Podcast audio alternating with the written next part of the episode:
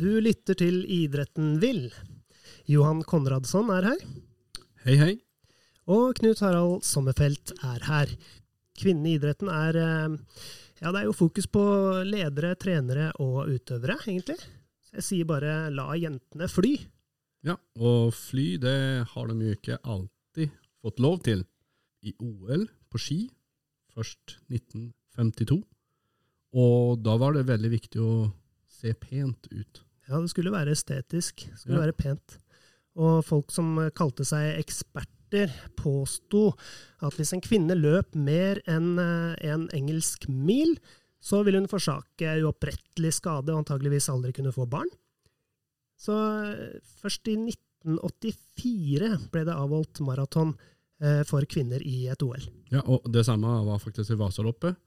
81 var første gangen de fikk eh, lov å være med som på ordentlig. Det var en som juksa seg inn med mustasje noen år innan. Eh, men man trodde alvorlig det tåler ikke damer. Ja, og eh, altså sånne holdninger, de, de eksisterer vel ikke på eh, 2000-tallet? Eller gjør de det? Don't forget, it's like jumping down from, let's say, about two meters on the ground about a thousand times a year, which seemed not to be appropriate for ladies uh, from a medical point of view. Dette var eh, Gianfranco Casper, eh, tidligere presidenten i det internasjonale skiforbundet, helt fram til eh, 2021. Han sier altså her at skihopping det er ikke ment for kvinner, fra et medisinsk standpunkt. Og det, altså det høres jo ut som det er 100 år siden noen sier dette her, men dette her sier han langt inn på 2000-tallet.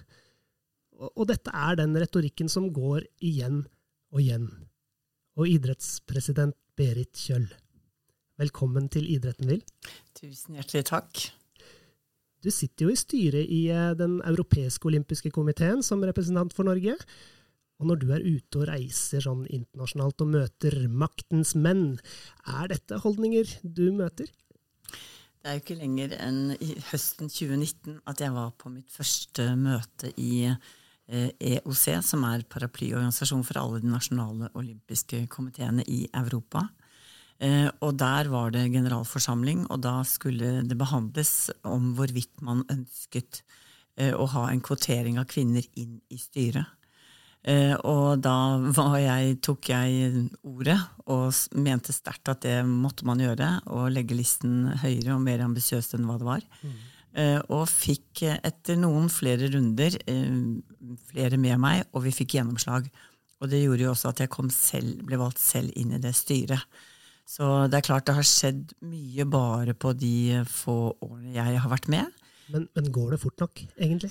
Nei, Det kan jo vi si som kommer fra et av verdens mest likestilte land, at det gjør det jo ikke. Men, men bare i de tre og et halvt årene jeg har vært med inn i EOC, så har det skjedd veldig veldig mye. Vi har jo ulike kommisjoner. Vi har en egen kommisjon som bare setter fokus på likestilling. Det er godt å høre.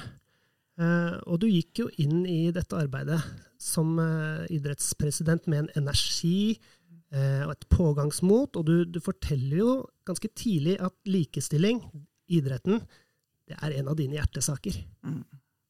Ja, det har egentlig vært en av mine hjertesaker opp gjennom absolutt alle år, uansett hvor jeg har vært. Og jeg har vært en av de jentene som har rukket opp hånda og blitt pekt på og tatt utfordringer. Så for meg har det å være leder det har handlet om egentlig at det er dobbelt så moro å være leder, sier jeg til jenter som jeg prøver å, å dra med meg. Eh, og i idretten så ble jeg veldig overrasket, for jeg kom da i hovedsak fra næringslivet. Og der var det, sto det jo skikkelig dårlig stelt til med, med kvinne, kvinnebalanse og kjønnsbalanse. Men det sto jo enda dårligere til i idretten, så det ble jeg veldig overrasket over. Så når vi gikk inn og, og så på mm, utvik status i blant styreledere innenfor kretser og særforbund, så var jo det nede på 12 prosenttallet eh, med kvinner i innslag. Så da la vi listen i idrettsstyret opp til 40% og svelget flere ganger og sa der må vi legge den, og vi må ha det som en ambisjon at vi når det innen utgangen av 2023. Har du møtt på noe motstand på veien eh, som kvinne, som eh, rekker opp hånda? Kanskje den første motstanden jeg virkelig kjente ordentlig på, det var da, da næringsministeren innførte kvotering kvinner inn i styrer. Da satt jeg som administrerende direktør i Flytoget den gangen, og jeg satt jo allerede i mange styrer og kjente på at oi, skal vi måtte gå dit?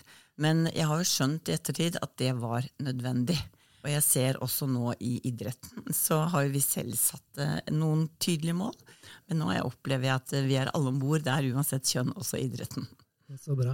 Eh, jeg tenker på dette med, altså Nå snakker vi om styrerommet og, og valgte ledere. Jeg tenker ofte på eh, Norges beste idrettsutøvere og, og de verdensstjernene vi har, som, som, forbilder og som har en enorm rekkevidde.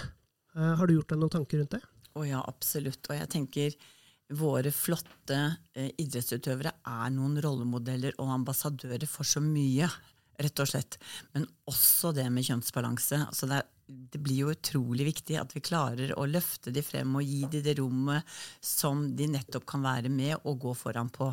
Du har jo mange gode eksempler på det. Den siste nå, Vi snakket om hopp eh, innledningsvis, og vi ser hva Maren har fått til der i, med tanke på å løfte den problemstillingen som hun har gjort, og hvordan hun har stått frem på en forbilledlig måte. Det at vi kan gå foran som hoppnasjon med de kraftige forbildene. Vi har så mye å være stolt av. Men jeg må også berømme idretten og idrettsorganisasjonen for alt det gode arbeidet som gjøres. Det er veldig mange tiltak og initiativ som har vært nå de siste årene, som gir resultater. Det er bl.a. dette med å ha mentorordninger eller nettverkssamlinger, eller sette fokus på dette. Og det er jo også mange mannlige menn hva sier jeg? Mannlig menn? Ja, ja, ja, ja, det er veldig mannlig å være litt sånn omtenksom. Det er viktig. Ja, det var helt feil. Mannlige menn, det var ny. Men det er mange mannlige ledere som også brenner for å jobbe for en kvinner. Og som brenner for å rekke opp hånda og ville være med på nettverkssamlinger, være med på frokostmøter, være med i utvalg som nettopp skal være løfte kvinner frem. Og det mm. tenker jeg er så positivt. Et annet spørsmål jeg hadde til deg, det var liksom er det noen sånne bestemte kvinnelige lederegenskaper? Egentlig ikke. Fra mitt ståsted så tenker jeg at de er mye mer generelt eh, flyter over i hverandre. Helt til slutt, eh, hvordan ser idretten ut når vi har lykkes med likestillingsarbeidet? Og sånn nei, Det er jo langs veldig mange dimensjoner, men jeg tenker bare det at vi kan en dag si at det er 50-50 balanse i, i, ledelse, kjønnsbalanse, på ledernivå, på trenernivå og på utøver-bredde-toppnivå. Jeg gleder meg til vi kommer dit, for dette dit må vi komme, tenker jeg.